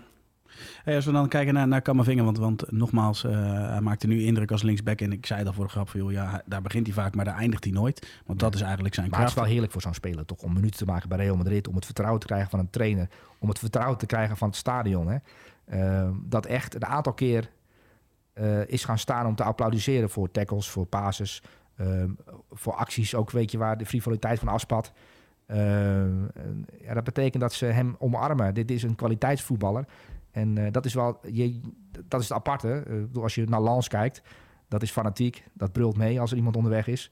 Ehm, en bij Real Madrid zitten ze toch in theater en willen ze een soort kunst zien. En dit was eh, van de linksback, Eduardo Camavinga, die gaf, een, eh, die gaf een voorstelling. Het was echt een voorstelling. En Nou, daar genieten ze van in, in, in Bernabeu. En wij hebben er ook van genoten. Nou, het was echt een waanzinnige, waanzinnige optreden van deze jongen. Een tien. Een 10. Oké, we gaan naar Joelinton van Newcastle United. We hebben 20 minuten gespeeld en het staat 5-0 tegen Tottenham Hotspur. Dan denk je echt van, wat is hier in godsnaam aan de hand? Ik, was, ik, ik schrok daar ook echt van van Spurs. ja. ja, ze hebben de trainer ook ontslagen. Hè? De, de assistent van uh, Conte, Stellini, die, die, die is toch ook wel nu vertrokken. Ehm, ja, je schrikt ervan. Maar het is ook zo dat ehm, bij Newcastle United de spelers, eh, Bruno Guimaraes, um, Joe Linton, ze staan ook op plekken waarbij ja, daar verwacht je ze niet elke keer dat ze daar opduiken. En dat hadden ze bij Tottenham to- toch moeite mee van, maar wie beweegt nou waar naartoe en wanneer en oh, te laat, 1-0. Ja, maar serieus, daar kan je niet binnen 20 minuten 5 naar 8 staan. Ze hebben 15 kansen tegengegeven. 15 kansen. Ja, het ging Als. Newcastle United een beetje eh secuur te werk gaat, dan, dan ga je richting dubbele cijfers. En eh, wat suggereer je nu? Dat de trainer van Tottenham totaal niet voorbereid is geweest? Nou ja, geen idee. Of, de, of eh, je krijgt een soort werkweigering. Ik weet het niet. Je- ja, het zou ook zo. Ja, dat, zou, dat, dat laatste wat jij nu zegt. Zou het niet kunnen zijn dat die spelers hebben gezegd: Weet je wat, we maken er zo'n ongelofelijke teringbende van die eerste 20 minuten. Ehm, dan zijn we wel kwijt. Maar als je ziet dat Tottenham kon gewoon, of eh, kan nog steeds als ze alles winnen, eh Champions League kwalificatie afdwingen. Ze, st- st- ze staan, stonden er niet zo slecht voor. Dus dat lijkt mij. Ik denk niet dat spelers schokken met hun bonussen en salarissen. Ehm, ehm, ik denk dat ze gewoon ja, niet voorbereid waren op de beweging en de intensiteit van Newcastle United in topvorm. Ja, maar hoe kan je nou tegenwoordig niet voorbereid zijn? Je, je krijgt zoveel beelden, zoveel data krijg je mee. Ze weten van iedere speler, weten ze alles. Dat kan toch niet, Soelie? Nee. kan dat- het niet zo dat je, dat je zo slecht voorbereid bent? Ja, kennelijk wel. Ehm, maar ik heb eh, de plaatselijke krantencijfers meegenomen hè, van Lee Ryder. Oké, Eh, wel goed hè? Ryder Newcastle. Eh, Leuk toch? ja, nee, kant. maar Lee Ryder die, die, die heeft wel genoten. Die, die had, eh, maar die geeft altijd... Weet, weet je dat ze in Engeland de gewoonte hebben om ook in de rustcijfers te geven? De halftime ratings. Oh, Dat wist jij niet? nee, dat wist ik niet. Nou, kijk, wij denken dat we hard werken. Maar eh, Lee Ryder van de Newcastle Chronicle... die heeft in de rust... na een minuut of vijf al de, de, de halftime ratings. Dus dat, als je een keer Newcastle United kijkt... en je wil weten wat Botman heeft in de rust... nee, die, die Maar, beoordeelt de eerste helft en tweede helft. Vraag aan jou. Woensdagavond. Topper in Engeland. Halftime rating van jouw kant op Twitter? Nee, ehm daar ga ik niet aan beginnen, want daar zitten Nederlands niet op te wachten. Ehm, tenzij nu eh, duizend mensen onder deze video een halftime rating op Instagram willen, dan geef ik een halftime rating op Instagram hoor. Als eh, meer dan 1500 likes zijn, doe ik dat. Bij City Arsenal. Nou jongens, jullie horen het. In, laat in de comments weten of je dat wel of niet wilt. Zorg alsjeblieft dat je dit massaal aan gaat jagen, want mij lijkt het namelijk wel leuk. Sorry, bij deze oproepje gedaan. Ja, heel goed. Eh, maar vier keer een 10 van Lee Ryder. Jacob Murphy, een 10. Mooi goal. Ja, schitterend. Joe Willock, een 10. Mooie paas, hè, die buitenkant voet. Zeker. Eh, Alexander Isak, een 10. En Joelinton, De aanname. een 10. Ja, maar, maar wat ik wel... eh, Want Joelinton ehm was een mislukte spits. Die wilde vertrekken bij Newcastle United omdat hij diep ongelukkig was. In zijn appartementje in Newcastle. Ik denk, ja, die mensen moeten me niet zo fluiten maar uit. Ik word, eh, ik word nageroepen hier op straat, ik word uitgescholden. Ehm, ik wil weg. Ja. Ehm, ik zag hem het laatste kwartier tegen Tottenham. Het kwartier wat totaal niet interessant is. Tenzij je inzoomt op... Oh, ik vreet bijna die microfoon op. je begreep het hè vandaag. Gretig, ja. Ja. Eh, maar hij moest uh, Bido Gumareis even vervangen. Een kwartier lang als controleur. Op zes eigenlijk. Dat deed hij verdomd goed, deze jongen. Ehm, terwijl het in de beleving van heel veel Newcastle United supporters... een, een, een, een echte targetman was, een nummer 9. Ehm, Hij begon wat meer vanaf de linkerkant, hè? ja, hij, hij begint nu uh, vanaf de linkerkant en, um, en, dan houdt hij het bespel, houdt het bal vast. En hij zorgt ervoor dat mensen kunnen aansluiten. En hij zorgt ervoor dat er uh, aan de linkerkant dan met uh, 4 tegen 3 gespeeld kan worden in die hoeken. Driehoeken gemaakt kunnen worden. Het zit echt tactisch goed in elkaar. Eddie, Eddie Howe en, en, en Newcastle United. Ja. Maar aan de andere kant zie je dat ook terug. Um, Bruno Gumareis kreeg een 9 van Lee Ryder. Ik adviseer Lee Ryder wel om misschien wat beter te kijken naar Bruno Gumareis. Want die is in de luwte ongelooflijk belangrijk voor, voor dit Newcastle United. Want die is zo ongelooflijk goed. Uh, maar goed. Dat ja, maar is... misschien was al een statement van Lee Ryder. Want die geeft hem continu een 10. En hij, was toch, hij wil nog meer zien. Ja, dat klopt. En het ging nu over andere spelers. Over Jacob Murphy en over uh, Willock en over Joelinton. Maar Joelinton, uh, die is vastgelegd door Newcastle United als centerspits. En dat zegt wel iets over waar Newcastle United vandaan komt. En dat Eddie Howe toch wel een goede trainer is. Want Joelinton heeft vorig jaar een keer... Um, 80 minuten als uh, middenvelder moeten spelen. Omdat uh, Newcastle United uh, in de 10 minuten een rode kaart kreeg. En, en Eddie Howe heeft toen omgezet. En toen heeft hij Joelinton tegen Norwich City teruggehaald. en Eddie Howe zit te kijken naar, naar net als iedereen. En denkt, ja, maar als middenvelder is hij, hij veel beter. Um, en daar heeft Joelinton natuurlijk ook op gereageerd. Want dat gaat natuurlijk een eigen leven leiden. En dan gaan journalisten naar vragen. En die zeggen, ja, ik ben eigenlijk ook helemaal geen centrumspits. Ben ik ook nooit geweest. Um, want hij heeft ook bij Hoffenheim gespeeld. Ja. En daar is hij gescout door Newcastle. Speelde hij onder Nagelsman. En Toen had hij ook heel veel verdedigende taken. Uh, maar hij stond dan op papier wel als aanvaller geposteerd. Uh, maar hij mocht heel veel in de bal komen. En hij had eigenlijk het gedrag ook van een middenvelder. Uh, en als je dan zijn ontwikkeling nu ziet bij Newcastle United, waar ze natuurlijk Isaac hebben, dat is nu de centerspits, maar dat is ook echt een spits. Precies. Die is bezig met doelpunten te maken, die, die gaat diep. En Joelinton die komt veel meer in de bal met zijn krachten die hij heeft, de fysiek die hij heeft. Hij zorgt voor rust hè, bij Newcastle. Enorm veel rust zorgt hij voor. Um, en hij is ook in staat om dus um, voor rust te zorgen, inderdaad. Maar ook in staat om Bruno Guimaraes te vervangen. Dus hij heeft ook verschillende soorten kwaliteiten. En kan ook, hij speelt echt in dienst van het elftal. En heeft ook scorend vermogen. Want dat is natuurlijk wel iemand die, die um, vanuit de spits kan spelen als een soort valse spits. Um, en dat is ook wel leuk om te zien dat Eddie Howe verschillende spelers beter maakt. Ze hebben natuurlijk wel een aantal aankopen gedaan. Sven Botman is er bijvoorbeeld bijgekomen. Nou, Isaac is er bijgekomen. Maar zo'n Joelinton, een mislukte spits. Daarvan een, een, een middenvelder maken die enorm veel toevoegt aan het elftal. Dat vind ik dan knap van een trainer. Ja. Um, en ja, Joelinton is nu echt een, een hele populaire speler bij Newcastle United. Ook wel een paar mooie statistieken, hè? Ja, en, en het viel mij op, hij wordt vergeleken met Rabiot en met Frenkie de Jong in, in, in, Ja. in, in, in, in de vergelijkingsradar, zou ik maar zeggen. Wat wel opvallend is. Ja, precies. Want hier heb je de meeste balcontacten. 83, meeste duels, meest geslaagde dribbles. En meeste intercepties eh, na, na Oliver Skip. Dat betekent dus dat hij, dat hij verdedigende kwaliteiten heeft, dat hij eh, aanvallende kwaliteiten heeft en dat hij nu een, een, een, een, een rol heeft gevonden bij Newcastle United waarin het allebei uit kan komen. Dus hij kan, eh, zeker in zijn thuiswedstrijd met, met die Newcastle-fans erachter. Uh, Bruno Guimaraes is ook zo'n speler. Het is en een aanvallende middenvelder en een verdedigende middenvelder en een organisator. En, en Joelinton die moet dan van voor naar achter spelen en Guimaraes van achter naar voor. En dan, dan maken ze elkaar maar sterker.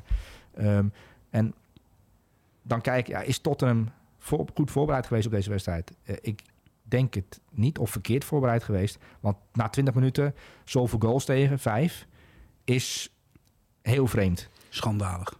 Dat, dat, dat, is, dat is Tottenham onwaardig, zou, uh, zou een speler of trainer dan zeggen. Ja, want uh, luister je wel eens de podcast met Open Vizier... waarin Alex Pastoor uh, allerlei ja, trainers spreekt? Ik, ik heb vorig twee weken geleden... heb ik drie uur lang Mark van Bommel geluisterd met Open Vizier. En ik heb daar ook een, in mijn column aandacht aan besteed... aan de ontwikkeling van Mark van, Mark van Kommel, Mark van Bommel, Mark van Kolm.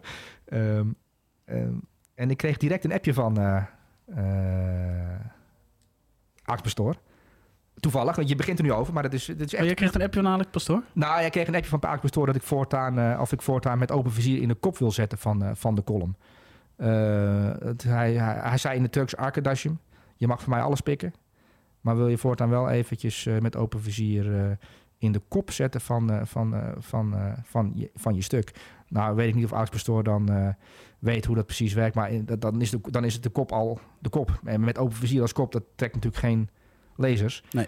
Um, maar ik vond het wel leuk om, ik weet niet waarom jij met open vizier noemt. Nou, ik zeg het omdat je um, de lessen die wel eens terugkomen van je moet als trainer er altijd voor zorgen dat het in de rust nog een wedstrijd is. Nou, dat, daar heeft hij dus hopeloos in gefaald. Stelling niet. Ja. Ik denk dat uh, als je Conte na zijn uh, aanval op de club en op de spelers ook uh, wegstuurt en zijn assistent laat zitten, dat je, daar is de fout al gemaakt. En, en de Serbi werd al boos op Stellini. En ik denk dat heel veel mensen in het wereldje die Stellini een enorme paardentrekker vinden. Ik heb geen idee waar het geld over vandaan komt, maar ik weet niet wat een paardentrekker is. Nee, nee. nou ja, het is in principe gewoon paardenlul. Het is een pikketrekker, geloof ik. Hè? Ik maak er een paardentrekker van. Dat is een wat nettere versie. Oké, okay, dan gaan we heel goed. Over uh, de, uh, de podcast gesproken trouwens. Hele leuke podcast om te luisteren. Ja, ja, zeker. Ik hoop dat ze gaan stunten met de Serbi. Dat ze die binnen gaan hengelen. Dat zou gaaf Wie? zijn. Met open vizier. Dat Bruno Bobbink en Alex Pastoor de Serbi weten te strikken. Dat lijkt mij geweldig. Al is ik, het zes ik, uur. Ik weet niet of, uh, of uh, Roberto de Servi, de, de, de, humor van Alex Pastoor, die, daar moet je wel aan wennen. Ik vind, weet jij, dat eerste vijf Ja. minuten, tien minuten. Dat klopt wel, maar uh, die jongen, die, nou Bruno Bobbink in dit geval, Ja? vind ik wel een hele goede bemiddelaar tussen de gesprekken door. die, die, nee, serieus. Ik moet zeggen, ik vind de van Alex Pastoor uh, af en toe wel... Uh, uh, die, die, die, als, je, als je hem niet goed kent als gesprekspartner... Ja, maar dat je normaal Het kan, het kan heel grappig zijn, maar het kan ook een hele pijnlijke stilte veroorzaken. Ja. Dat je denkt van, oké, waar gaat het over? Maar inderdaad, met open vizier eh, is een, tot, als een wat andere aanpak dan eh, van eh, ja, je hebt verloren, eh, jammer hè, Eh, dat soort eh, gesprekken. Het is meer over werkwijze en dat vond ik dan wel in dit geval eh, leuk eh, om met Van Bommel te luisteren. Maar ze hebben natuurlijk ook Jozef Oosting eh, hebben ze, eh, Dat is ook gesproken. leuk. Ja. Eh, Dick Advocaat en zo hebben ze nog wat meer, eh, meer, meer eh, trainers gesproken. Pepijn Leinders. Ja, nou ja, dus het is inderdaad een, een, een, een, een tip. Net Ja. als alle podcasts van VI, hè, er zijn ook allemaal tips. 100 Het is procent. ja, 100 procent. Hey, ehm, zullen we eerst de alleskunner van Newcastle United cijfer geven? een 10. Ja, tien? wie ben ik om Lee Rijder tegen te spreken? Helemaal met je eens. Hey, we gaan naar Lucas uh. Eh, ik heb een interview gelezen met Joe Linton. oh, Ehm, maar hij heet Joel Linton. Maar in, in, in Newcastle denken ze Joe Linton. Dus hij eh, boekt soms in Engeland een hotel. En een een wel, wel- welkom, Mr. Linton. Ehm, maar hij heet Joelinton. En dat moet je uitspreken met de nadruk op Joelinton. Joelinton. Joelinton. Dus je moet het wel goed uitspreken. Want niemand in Engeland spreekt zijn naam goed uit. Maar Vind ik daarom niet noem ik hem ook de, nieuwe, de alleskunner van Newcastle. Dat Joelinton. Joelinton. Joelinton. Oké, leuk. Ja, Tien, hè? Een tien. Goed bezig, man. Hey, Lucas Paqueta. Ja, eh, ook genomineerd. eh, Lucas Paqueta van West Ham. Als soort kennismaking met eh, de... Nou, de nieuwe Lucas Paqueta, Lucas Paqueta. Sorry, ik wou hem Lewis noemen. Oh, dat, eh, maar het kennismaking met de AZ-tegenstander West Ham United voor de halve finale. We gaan even, daar gaan we vooruit goed. blikken. Maar ik zie hier ook de meeste tackles. Dus wie, hebben we het nog steeds over dezelfde Paqueta van Lille? Ja? Ja, we Is dat nieuw of zo? dat is wat er in de Premier League gevraagd wordt.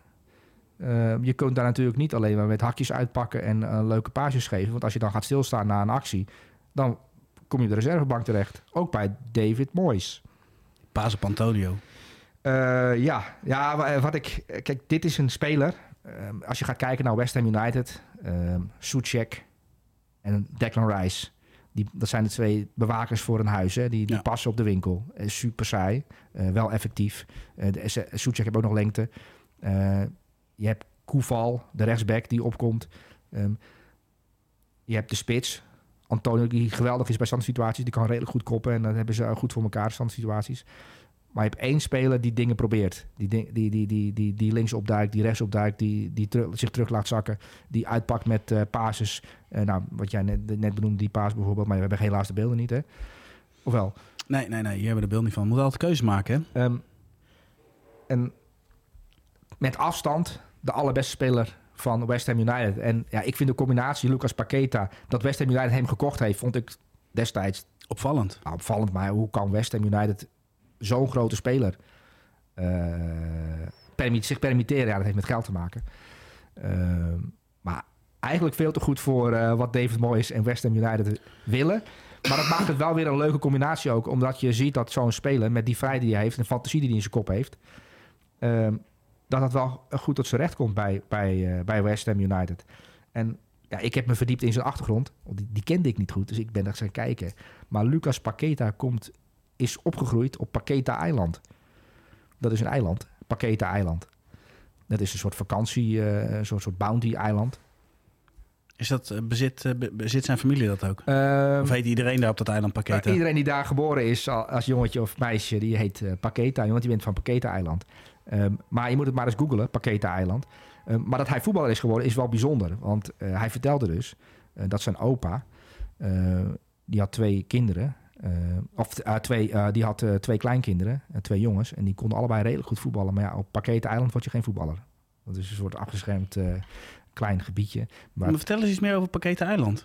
nou, dat is, dat, zijn, dat, is, dat is een groen oord, een oase. De- Denk aan de allermooiste vakantie die je ooit beleefd, heeft, beleefd hebt. Eh, aan het strand, witte zandstranden, eh, palmbomen. Daar gaan mensen naartoe op vakantie. Eh Paqueta-eiland. Maar het ligt erg afgelegen.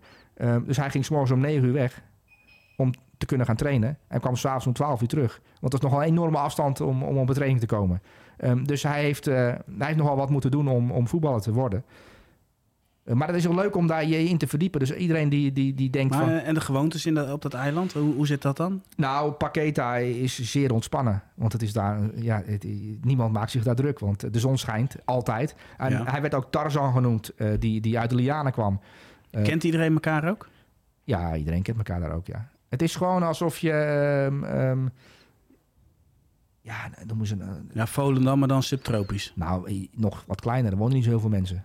Het is echt een heel klein schattig eilandje met heel weinig inwoners. Boekel, maar dan subtropisch. Boekel, maar dan, ja, Boekel, maar dan subtropisch. Boekel, maar dan subtropisch. Ja, Bas heeft daar een huis laten bouwen hè, in Boekel. ja. Maar niet subtropisch.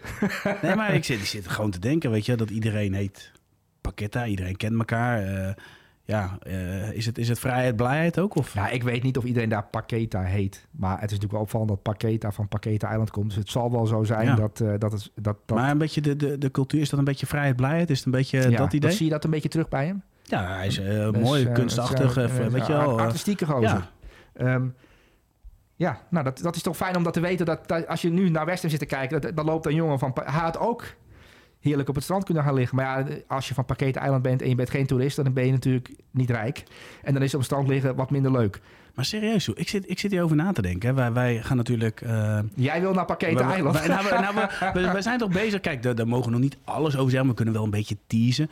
We gaan eh, op bezoek bij diverse voetbalclubs en op bezoek bij diverse voetbalstadions. Is dat zo? Nou ja, ik weet heb, ik niks van hoor. Maar... nou, jij bent al bij een stadion geweest. Daarover, daar komen we Oh, daar later weet ik wel iets van, terug. Ja. daar weet je zeker iets van. Jij bent in, bij een mooie Engelse club geweest en jij hebt vreemde dingen gedaan. Grappige dingen. Niet Nou, vreemd, grappig. nou, grappig. Maar, maar Bas bijvoorbeeld. Bas heeft deze week een 1 op 1 met Hennis. Dat, ja, ben ik wel een beetje jaloers op. Ik had heel graag een één op één met, eh met Hennis willen hebben. Ja, wat zou je van Hennis willen weten? Voor, voor, de, voor de luisteraar en de kijker. Hennis is Nou, het symbool van 1 FC je- Köln. je- Is je een weet- geit. Je weet, ja, je, precies, je weet wie je aan tafel hebt. Ja, maar goed, we hebben de minicode gestuurd. Ja, dat is ook leuk. Maar ik ben een beetje jaloers op. Wat zou je van Hennis willen weten? Nou, ik had heel graag een, eh Hennis een knuffel willen geven. En Hennis een kopstoot willen uitdelen. Om te kijken of, of hij een hard hoofd heeft. Dat had ik willen doen. Dat had je willen Maar ik denk niet dat een kopstoot uitdelen aan, aan, eh, aan, eh, aan Hennis goed wordt gekeurd door, door bepaalde dieren, dierenorganisaties. Dat denk ik ook. En Esther ja. Houwehand. Dat denk ik ook. Maar even, even terug, want, want dan gaan we naar diverse clubs. Ik zou best naar een wedstrijd willen Van gaan op Pakete Eiland. Daar zijn, als ik het goed heb, twee voetbalclubs. Pakete Eiland. ja, Zullen we dat eens vragen aan de grote baas hier, We, of wij we zitten nu over mogen? Pakete Eiland te praten. Ik ben niet een, een expert op het gebied van eh Pakete Eiland. eh, ehm, Ja, maar ik wil er wel meer van weten. Ik bedoel, ik, Lucas wees- Pakete een goede speler hoor. Maar Ik heb godverdomme het hele weekend voor zitten kijken. En, het enige wat je leuk vindt is Pakete Eiland. Nou, ik ben gewoon helemaal geïntegreerd daarmee. Daardoor. Ja. Oké, maar goed, eh Pakete. Nou, Eiland een 10. Ja, En Lucas Pakete een 9. een 9. Oké, komen we later op terug op Pakete Island, ja. Eh, de volgende Maar is... eh, AZ. AZ speelt tegen West Ham United. Want maken- je maakt er nu een dolletje van. En terecht. Mag. Ehm, maar denk jij dat Paketa en, en, en, en, en de verdediger midden van de AZ... Jordi Klaasie, een beetje onderschat vind ik in de Eredivisie. Vind ik echt heel goed eh, dit seizoen. Denk je dat Paketa en Klaasie dat hij daar aan kan ontsnappen? Eh, ja, of denk je maar dat ik denk, ik denk, te, te fysiek, te snel, te... Maar ik denk dat? Pascal Jansen anders denkt. Ik denk dat hij de aanvoerlijn naar Paketa dicht gaat zetten. Paketa zelf ga je niet... eh, dat, dat is, die is individueel gewoon heel goed. Mhm. Maar je moet gewoon voorkomen dat hij nou ja, in de hotzones terechtkomt. Nou, dan gaan we AZ opschrijven voor de, voor de finale. Want jij hebt het alweer opgelost. Top. Precies. Hey, eh, de volgende. Samarcic. Kun jij die jongen even introduceren? Want ik kende hem niet goed. Nou, kijk, Udinese is natuurlijk altijd goed geweest in het eh, ontdekken van bepaalde pareltjes. Eh, een club van scouting. Ja. Ehm, deze jongen, Lazar Samarcic, klinkt heel Servisch, toch? Maar is eigenlijk een Duitser. Is opgegroeid in, in, in Berlijn, eh Hertha BSC gezeten. Ehm, daarna door Red Bull Leipzig opgepikt en uiteindelijk door Udinese overgenomen. Ehm, maar is dit seizoen bij Udinese als, link, als linkspoot in de rechterzone echt een, een klasbak. En eh, ja, ik zit niet wekelijks in het stadion van Udinese of ik ben niet wekelijks bij wedstrijden van Udinese. Ehm, maar ik volg natuurlijk alles. En over deze jongen wordt al eh, heel regelmatig eh, lyrische commentaar geschreven, omdat dit een jongen is. En ik heb een Italiaanse krant vorig weekend gelezen waarin stond dat hij een veeënvoet had. De, zijn, links, zijn linker, linkerpoot. En dat Ja. Van der Vaart zou een enorme fan van hem zijn. ja, Is hij- ja, dat kan niet anders. Je ziet dat deze jongen kan voetballen. Ehm, ehm, en Hansi Vliek, die heeft ook eh, twee maanden geleden nog, heeft hij Lazar Samardzic. Want het is een jongen die tot en met de Jong Duitsland eh, in, in de Du- Duitse jeugdploeg heeft gezeten. Is al een groot talent vanuit de jeugd. Ja. Ehm Hansi Vliek heeft hem opgebeld om hem te overtuigen voor de Duitse nationale ploeg te kiezen. Want hij wilde heel graag dat hij, eh dat hij voetbal Duitse bleef. Eh, en dat hij de overstap maakte naar de, nationale ploeg van Duitsland. En dat hij definitief zou kiezen voor Duitsland. Maar hij heeft gekozen voor Servië. En hij heeft ook af in maart, eind maart, zijn debuut gemaakt voor Servië. Eh, de ploeg van uh, Dusan onder, onder, onder andere. Ehm, maar als je gaat kijken nu wat hij bij Udinese laat zien... en ook deze wedstrijd tegen Cremonese was hij bijna foutloos. Hè? Al zijn basis waren aangekomen. Maar ook onder druk. Uh, ziet altijd de voetbal de oplossing. En dit is een speler ehm, die met zijn veeënvoet, met zijn linkervoet... in de Europese top thuis kan horen. Um, alleen moet je dan natuurlijk ook nog um, wat andere zaken meenemen. Uh, maar ik denk wel dat deze jongen, uh, daar gaan we nog wat meer van horen dan, dan alleen dat hij bij Udinese voetbalt. Dat zijn doelpunt met buitenkant links. Ja, die, da, niet normaal. De goal die hij maakt oh. uh, met, buit, met zijn veeën voet. Ja, maar die moet wel iedereen echt terugkijken. Ja, toch, als, je, als je één ding moet terugkijken dit weekend qua goals. Um, Udinese, Cremonese. Um, hij komt natuurlijk naar binnen toe en ziet een klein gaatje. En met zijn linker buitenkant draait hij die bal uh, ja, de verre hoek in eigenlijk. Ja. Dat is een wereldgoal. Er zit zoveel subtiliteit, zoveel gevoel in.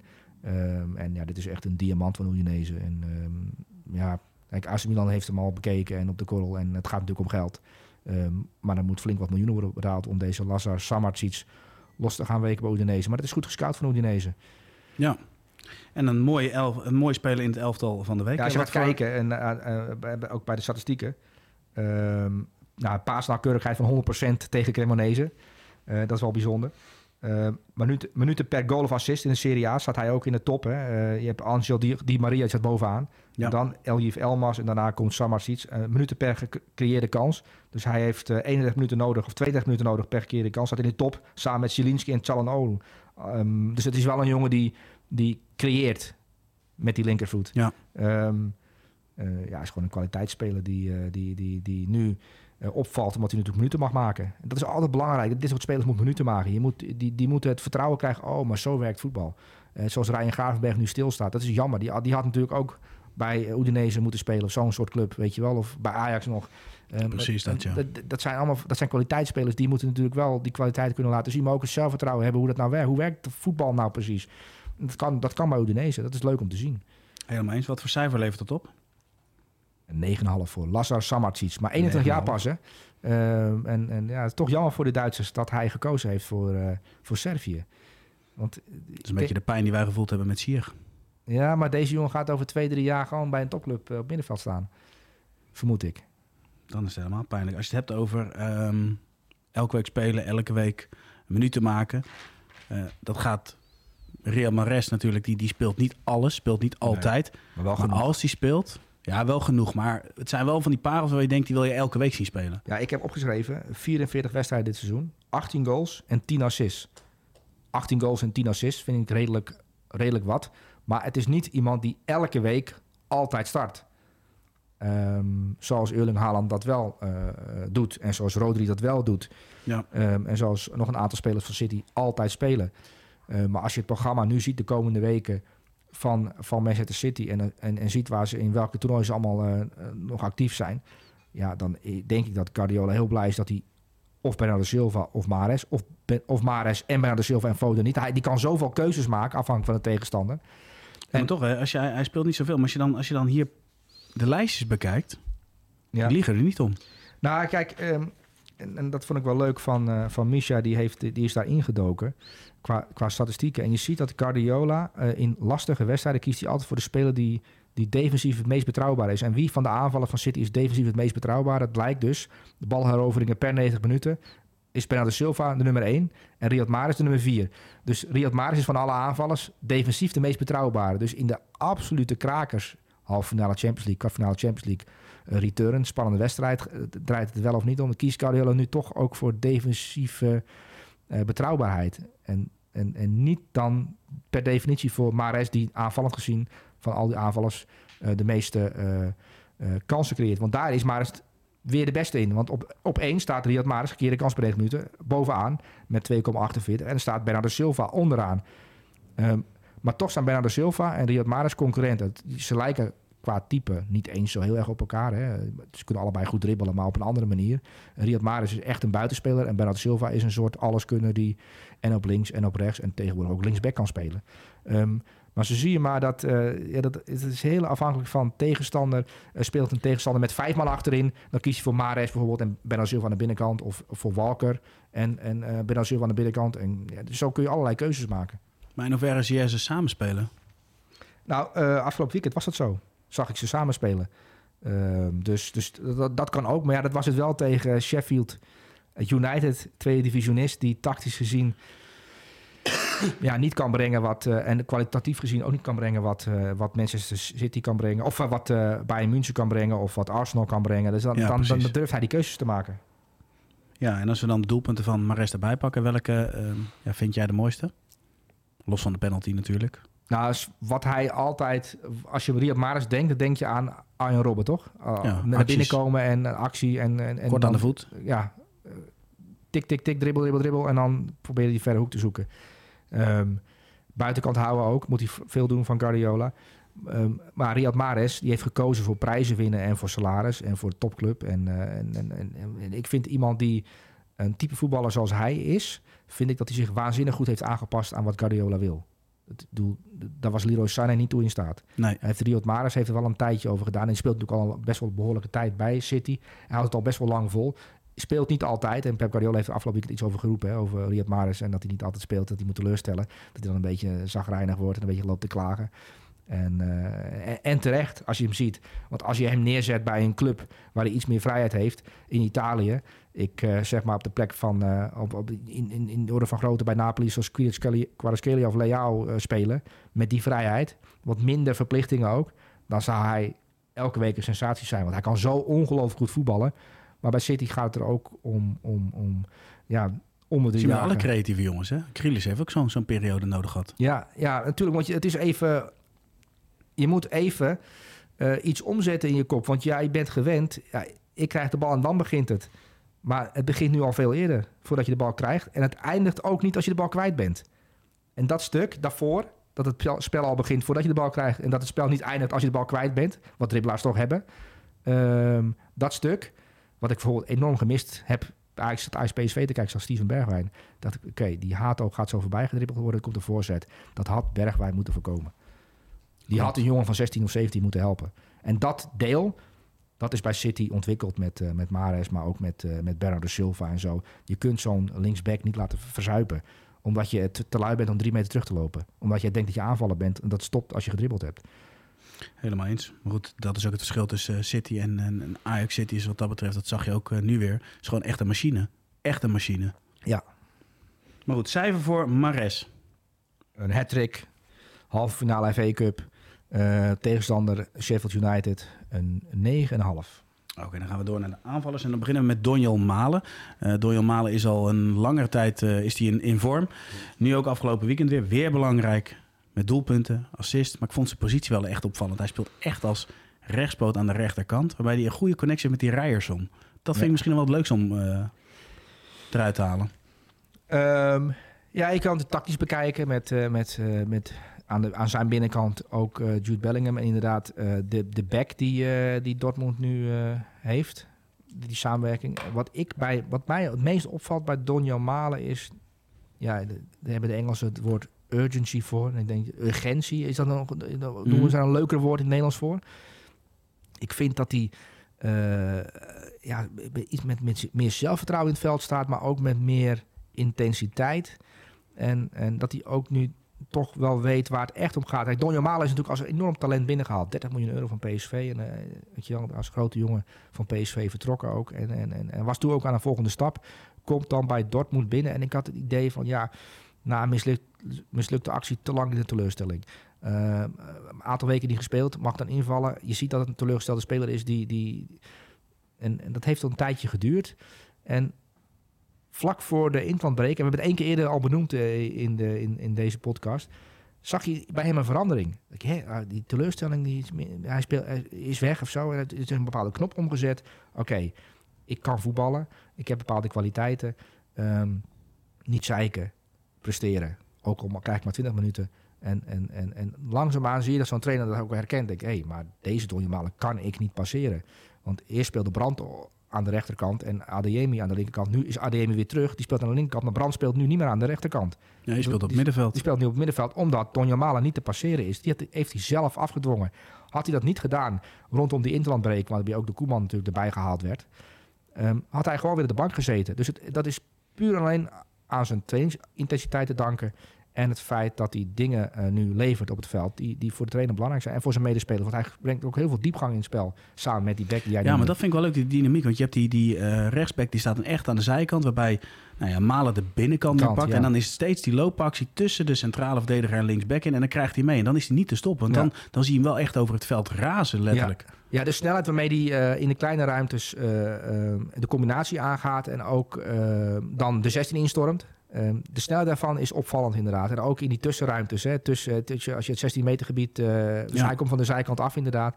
En dan zie je ook dat hij ook verleden heeft als nummer 10. Dat hij eh, gewend is geweest om in het centrum te spelen. En dat hij eh, ja, zeer comfortabel is aan de bal. eh, als hij eenmaal in gang geschoten kan worden.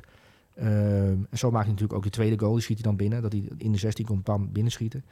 Ehm, en ja, het is wel ehm, leuk om te zien dat hij nu bij Dortmund eh, aan die rechterkant die plek een beetje zijn eigen aan het maken is. En dat hij een heel erg leuke functie heeft ook in het elftal. En ook goed nieuws voor Koeman. Want de rechtsbuitenpositie was lang echt wel een, een, ja, een beetje een lastige positie. Wie Ja, gaat daar spelen? Alleen, eh, waarom kan, eh, waarom kan ehm, eh, Malen ook uitblinken en kan hij ook samen met Adeyemi in die ruimtes achter de spitscenters komen? Want Haller is natuurlijk wel iemand die als kapstok dient van het elftal Mhm. en ballen doorkop bijvoorbeeld.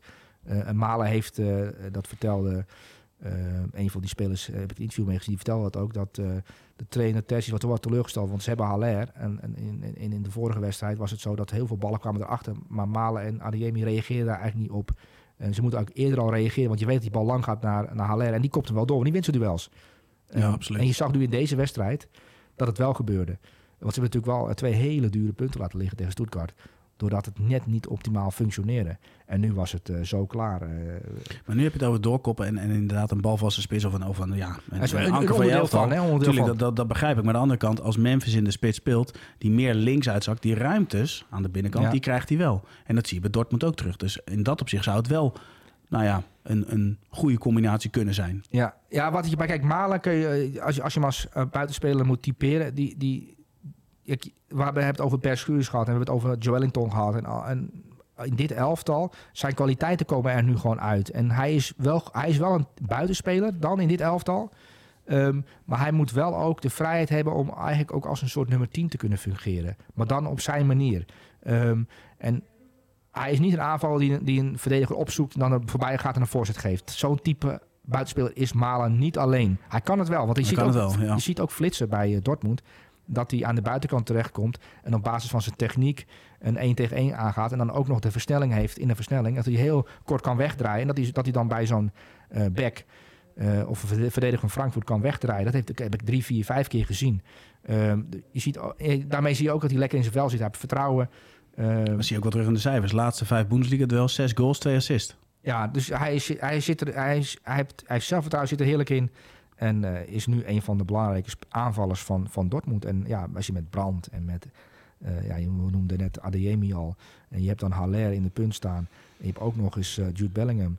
Ehm, ja, dan heb je natuurlijk wel een heerlijke ploeg om, om die laatste vier, vier wedstrijden in te gaan. Om eventueel kampioen te kunnen worden. Ja, maar goed. Koeman kan toch niet om de kampioen van Duitsland heen? Wordt hij een baasspeler onder Koeman, ja of nee? Oh, je bedoelt, wil daarheen. Ehm, nou, in deze vorm zie ik weinig spelers die, die, die, die, die meer aanspraak maken op die positie. Dus, eh, maar eh, Koeman heeft natuurlijk ook uitgelegd dat Berghuis in zijn ogen een, een aanvaller is. En, en, en ja, speel je met een aanvaller die meer middenvelder is, of speel je met een aanvaller die eh, meer aansluit bij Memphis en de diepte maakt. Ja, dat is maar net de, de, de tactische kwestie die, die op tafel gooit en wie de tegenstander is. Ja. Want er komen spannende wedstrijden aan natuurlijk. Absoluut. Maar goed, eh, wij beoordelen de Malen op zijn wedstrijd tegen Frankfurt. En wat voor cijfer levert dat op? een 9. Een 9. Dan gaan Hij stond naar- ook voor het eerst in het elftal van Kieker. Oké, dat vind ik wel opvallend. Want ik vond een aantal weken geleden was hij ook al Ja, echt heel erg goed. maar dan hadden ze een andere buitenspeler gekozen. Maar eh, dat, is, dat, is ook wel, dat zegt ook wel iets. Oké, hey, we gaan naar de laatste twee aanvallers. We moeten wel even iets sneller, want we lopen eh, ja, gewoon uit. Het gaat weer volledig Ja, zoveel voetbal inhoudelijk. eh, eh, En, pakketten. Island, weet je wel, dat, dat neem je ook mee. Ja, maar jij gelooft het niet. Maar ik weet zeker dat, dat ze nu op het hoofdkantoor van Google zich afvragen waarom in Nederland ineens uh, Paketa Eiland of Island of Eiland uh, zoveel ingetoetst is. Want er is een enorme rode stip te zien zo uh, in, in, in, in, in... Ik ga straks ook kijken. Ja, ja maar natuurlijk. Ja. Iedereen gaat na deze aflevering, of al tijdens deze aflevering, even kijken.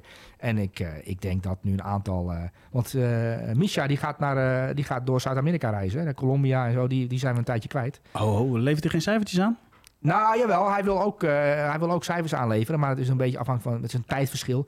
En de cijfers moeten op, tijd, op, op tijd zijn. Dus daar zijn ze nog over in gesprek bij Opta. En, en, en ik ook met Misha. Want we moeten wel om tien uur stipt hier in de studio zitten op dinsdag. Absoluut. Dus dan moeten de cijfers wel binnen zijn. Dat is wel um, belangrijk. Maar die gaat, uh, ik weet niet, met de backpack denk ik, uh, die gaat dwars door Zuid-Amerika. Dus misschien kan hij ook voor ons even op Pakket Eiland gaan kijken. Hè? Ja, dat zou toch lekker zijn. Ja, maar ik, ik, sluit ook niet uit dat de, de producenten van Temptation Island ook gaan kijken van... hé, hey, misschien kunnen we daar de nieuwe serie gaan maken. Ja. Allemaal voetballende singles. Gewoon een nieuw format. Maar als jij, als jij Lucas Pakket... Ja, je bent echt in de band van Pakket Eiland, merk ik nu, hè? Ja. Ja. Absoluut. Had je ja. helemaal niet over moeten beginnen, want uh, jij bent zo'n gozer. Ja. Hey, uh, we gaan uh, de laatste twee aanvallers. Uh, Tegen mij zeggen dat, ik, dat ik snelheid moet maken, dat ik, dat ik kort, het korter moet houden. Terwijl jij bent een kwartier lang bezig geweest over pakketten Als je nou gewoon eens een keer enthousiast over iets bent, wat maakt dat nou uit? Nee, helemaal niet. Maar ik ben er overal enthousiast over. Toch? Oké, okay. nou dan is het toch goed? Ja. Maar goed, Openda. Maar ik moet zeggen, we gaan één speler wat korter behandelen. En je weet wie. Zeker. Ja, de laatste ja. Zeker weten ja. Hey, Openda, weer belangrijk. Twee goals, een assist. Typische Openda goal hè? afjagen. Vervolgens wordt die bal veroverd, doelpunt maken. Nou, typische Alpenda goal. Uh, dit, dit is een jongen die... Pak de doelpunten erbij. Weet je hoe vaak hij de boel heeft afgejaagd ja, en dat hij ja, vol scoort? enorm. Ja, uh, dit is weer een keeper die schrikt van uh, een soort lichtflits die op me afkomt. Oh, dat is gewoon een, dat is de nummer 9 van Lans. Poef, die is snel. Hij is echt waanzinnig snel. Pressing monster. wat een ongelofelijke raket is dat. Um, maar dat scoren, dat begint hij nu. Hij begint nu... Kijk, je, gaat, je komt vanuit de jeugd van, van Club Brugge. Um, en dan, dan, kom je bij Vitesse terecht. Dan, ja, dan, dan, was jij direct overtuigd van Luis Openda? Nee. Um, hij heeft dat even een tijdje, nou hoe werkt dat hier precies? Gaat aan de slag met zijn trainer, uh, die nu uh, bij Bochum uh, trainer is, Letch. Um, doe het geweldig gedaan bij Vitesse. Maak dan een volgende stap naar Lans. Die betalen 10 miljoen euro. Is het ook, nou, weet je, een beetje twijfel. Nou, is dit wel niet te veel geld voor iemand die niet scoort? Um, heeft even tijd nodig om te wennen aan zijn teamgenoten, maar ook aan een, een hogere intensiteit, aan andere soort verdedigers, aan en, andere systemen. Maar als je ziet de stappen die hij aan het zetten is en, en de snelheid die hij heeft en uh, de goals die hij nu ook maakt en ook de manier waarop hij scoort. En uh, sowieso, uh, Lans, we hebben natuurlijk een aantal spelers van Lans. Uh, Seco Fofana was weer, weet je, het is toch altijd even mooi om ja, Seco Fofana mee te pakken. Dat is echt niet normaal. Die, die gewoon, die, die begin het seizoen zijn handtekening zetten in een vol stadion. En het stadion gaat uit zijn dak. Ja, Lans, als, als, ik, wil, ik wil als tip, als je een keer naar Frankrijk wil gaan naar een wedstrijd en je kunt, aan, kaartjes komen voor RC Lens, ja, dan zou ik, ik zou, dat is mijn favoriete club op basis van uh, wat ik dan aan de, in de beelden zie. Want ik ben er nooit bij Lens geweest, vind ik heel jammer. En ik zou best wel eens een keer naar, naar, naar, naar Lens willen. Wat niet is, kan nog komen. Um, maar ook na de wedstrijd weer. Hè. Hij, uh, Openda pakt de microfoon. En ze gaan de, ja, ik weet niet of ik het goed uitspreek, maar uh, we gaan met het publiek samen hun, hun, hun supporterslied zingen. Dat is wel mooi om te zien. Um, die sfeer in dat stadion, ook als hij je aanzet. Weet je wel, het is net alsof er een raket wordt uh, aangedreven door, uh, door, door al die schreeuwende kelen van al die supporters. Uh, want Openda, het was wel echt... ik had wel kipvel op mijn armen staan toen ik, toen ik hem zag gaan. Bij een aantal acties. Ik jeetje, oh, oh, dat is wel echt... Vooral de snelheid waarmee, ja. hè? snelle van mee, ja. ja. Ja, dat is niet normaal. Hey, um, nou, 10-0 hem... winnen van AS Monaco is top hoor. Nou, dat is uitzonderlijk. Ja. Wat voor cijfer levert dat op? Uh, een 10. Um, en als je gaat kijken naar, het, naar de data... Scho ja, die moeten we er even bij pakken. Schoten, na een schoten, na, schoten uit een counter op 1 Mbappé, 10. En op 2 Luis Openda, 9. Dat zegt ook wel iets over het type speler dat hij is. Hè. Mbappé is natuurlijk ook iemand die uh, met een raketsnelheid een uh, defensie kan... Uh, of een 16 meter kan binnenkomen. Um, En ja, verder alleen Haaland, Messi, Mbappé, Ben Jenner en Hofman lukte het dit seizoen um, om uh, drie keer of meer dan drie keer bij drie goals betrokken te zijn. Hij had niet alleen, uh, had ook nog een assist. Uh, dus twee goals en een assist. Topprestatie weer. Uh, maar iemand die zich gewoon ongelooflijk aan het ontwikkelen is bij die club. En dat is wel leuk om te zien. Helemaal eens. En we hebben natuurlijk vaak het elftal van de week gehad. Wat dat ja, betreft hij valt al, hij vaker op. Ja. Ehm, dan gaan we naar de laatste speler. Heel eerlijk, ik had er nog niet van gehoord. Ja, maar ik wil elke week ook een speler die niet helemaal in jouw straatje past. We hebben Ludovic Ajork een keer gehad. Ja. Hij scoorde tegen Bayern München gewoon, hè? Ja, ja, zeker. Kopballetje. Maar Ehm, wat, wat ga je niet doen? Ga je weer je gelijk halen of zo? ik kan ga gewoon geen liefhebber zijn? Daarvan? Ja, nee, dat kan. Maar we, hebben het natuurlijk... Ja, bij Brentford speelt natuurlijk een spits die, eh, die nu 19 in de Premier League in heeft, in heeft liggen. Ja, waarbij je laatst wel aangaf, jij hebt hem live aan het werk Kan zien. er helemaal kan er helemaal niks van. Maar 19 goals maken in de Premier League, dan kan je dat wel zie wat. ik Wout Weghorst niet doen. Nee, maar die doet wel andere dingen. Andere dingen, ja. Ehm, maar we hebben nu... eh, kijk, eh, de topscorer van de Bundesliga is Niklas Füllkrug. Ja, ja, de cultspits. eh, de spits van Werder Bremen. Maar eh Werder Bremen heeft nog een spits. En die heeft er inmiddels 11 gemaakt. In de Goede naam heeft trouwens. Marvin Dux. Doeks. Marvin Doeks. Ehm, ja, ik zag dat, eh dat eh Misha een, een, een per ongeluk Dux Marvin Dux heeft genoemd. Gewoon Marvin Eend. Ehm, Ja. eh, hij heeft ook wel de techniek van een eend. Ehm, maar ja, drie keer scoren. Uit tegen Hertha. Hertha BSC, waar, eh, waar Paul Dardai weer trainer is. En die moet de club redden van, eh, van, van degradatie. Maar drie keer scoren uit bij Hertha. In, bij een club die de punten nodig heeft, is gewoon een topprestatie. Ehm, en dit is een spits. En, en, en die in de belangstelling staat van Union Berlin. Dus Marvin Dux, Dux, sorry, Ik snap het trouwens wel hoor. Want eh, als je het hebt over... Want, want Union Berlin onderschatte speler dit. Nou ja, had goede loopacties. Het is meer van ja, het is niet zo mooi om naar te kijken. Want die eerste goal, goede loopacties. Tweede, goede kopbal. En ik vind die derde, met zijn beperkte techniek van een eend, zoals jij het omschrijft. Knappe aanname, korte hoek geschoten. Maar het is gewoon niet leuk om naar te kijken. Ja, en ehm, zijn heatmap, ik weet niet of jij die bestudeerd hebt, maar zijn heatmap had een soort van gat. Ehm, overal waar Benzema en Harry Kane op duiken, daar is Marvin Dux niet. Dus die heeft een heatmap. Ehm, hij kopt ballen door. En, en dat is ongeveer iets over de middenlijn. Daar is het vrij rood. Mhm. Want Werder Bremen natuurlijk ook ja, niet altijd ah, op de helft van de tegenstander voetbalt. En in de 16 is het een beetje rood. En tussenin zit een enorm gat. Dus hij doet niet mee aan, aan, aan, aan, aan, aan voetballen zelf. Maar ik vind hem eigenlijk ook met zijn beperking ook nog redelijk kunnen voetballen. Want hij neemt ook alle hoekschoppen, eh situaties. Dus hij heeft een goede trap, vaste trap ook. Ehm, en, en hebben het vaak over eh, eh, moneyballen en over statistieken en Mhm. over talentherkenning. En, en, en er zijn een aantal clubs, Toulouse is daar een voorbeeld van, ehm, die, die toch spelers oppikken waar je niet aan denkt. Dat je denkt van dat is een wereldtalent.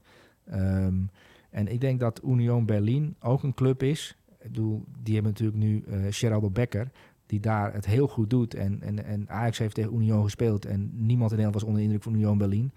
De koekenbakkers. Ja, of van Gerald de Becker. Of van Geraldo Becker. Dan denk je, wat kan, kan, kan niet. Kan alleen maar lopen. Maar Union Berlin, ik zal de stand, maar je moet voor de gein, ik bedoel, je kan Pakete Eiland googelen, maar je kunt ook even de Bundesliga stand googelen, dan het aantal wedstrijden bekijken en het programma van Union bekijken en dan even kijken of ze volgend seizoen Champions League spelen. De kans is best groot als zij nog twee, drie keer winnen, dat Union Berlin gewoon Champions League voetbal Dat ga ik zo ook doen. speelt. maar Ik ga wel eerst eh googlen op Pakket Island. Dat wel. Ja, je hebt prioriteit in het leven. Ja. hey, Marvin Dux. Wat voor cijfer? Een 9. Een 9? Doeks, Marvin Doeks. Ook Dux. Ik dacht meer van Duckstad en zo, weet je wel. Kijk, Nee, je, was jij een Donald Duck fan of niet? Ehm, nee, ik, ik heb nooit een abonnement gehad op de Donald Duck. Ehm, maar ik ken wel het fenomeen Duckstad en ik weet eh Katrien en zo. En, en, en ik heb ook een... eh, Hij kent Katrien Ik- weer. ja, ik ken Katrien inderdaad, ja. Eh, maar ik heb een Hij komt altijd met de vrouwelijke personages, jij hè? Dat is puur, het is puur toeval. Oh, puur Maar ik heb een nichtje die is, een, is enige jaren abo- geabonneerd geweest op, op de Donald Duck. Dus toen dan eh, las ik hem eigenlijk altijd trouw, omdat ik ook in haar eh, belevingswereld wilde komen. Om te kijken wat nou, eh, wat nou dat belevingswereld is van, van mijn nichtje. Dus heb ik een aantal jaren trouw de Donald Duck gelezen. Dus ja, daar kan ik over meepraten Ja, als je wil. imagineert dus op alle vlakken. Alle vlakken, ja. Belangrijk als mensen. Goed zo, man. Want dat is ook belangrijk als je voetballers beoordeelt. Ik, ik zag deze week een interview, on- onder andere met... eh eh, Freek is natuurlijk, eh, Jans is in, in Bayern, en München, Ja. bij Bayern München geweest, in München geweest. En heeft natuurlijk gesproken met de Nederlanders daar. En ik zag, ik las een interview met ehm Mazraoui. Die dan vertelde van ja, de trainer kent eigenlijk helemaal niet, weet helemaal, kent helemaal mijn capaciteiten niet. En dan denk ik van ja, dat, dat vind ik toch wel zorgwekkend. Dat ik denk, oké, ehm, je hebt niet zo heel veel spelers bij Bayern München, 25. Als je daar nou trainer bent of trainer wordt, zou ik zeggen, ik teken overmorgen, ehm, teken ik, maar ik ga morgen, vanda vandaag of en morgen even voor mezelf die 25 spelers in beeld brengen of ik nog iets kan veranderen wat eventueel kan en dan, dat ik wel weet dat Mazraoui gewoon ingezet kan worden op een bepaalde manier. om het elftal beter te maken. Ik vind het echt zorgwekkend als trainers, als spelers het gevoel hebben dat hun trainers niet weten wat, waar ze, wat ze eigenlijk kunnen. John Joel Tom bijvoorbeeld, waar we het over hebben die hebben gewoon twee jaar door Newcastle gelopen. Um, en ik denk van ja, ze denken dat ik een targetman ben, maar dat ben ik helemaal niet. Kom weer terug op open vizier. Het gaat om, je werkt met mensen en je moet Ja. weten hoe de mensen in elkaar steken en, en ja, waar de mensen op reageren. Ja, vandaar dat Dat je het verhaal weer mooi rond. Ja, mooi rond. Nou, dan kunnen we afronden. Ja, toch? Nou, we hebben het lekker kort gehouden, hè? Precies, Sully, hartstikke bedankt voor je tijd. En jongens, jullie bedankt voor het kijken. Volgende week zijn we uiteraard weer terug met een nieuwe aflevering. Maar willen jullie tijdens de topper tussen Arsenal en City ook een halftime report hebben. Dus eigenlijk, wat zijn de cijfers van die wet? Laat het vooral even weten in de comments. En dan gaat Soelie speciaal voor jullie dat doen op Instagram. Tot ziens.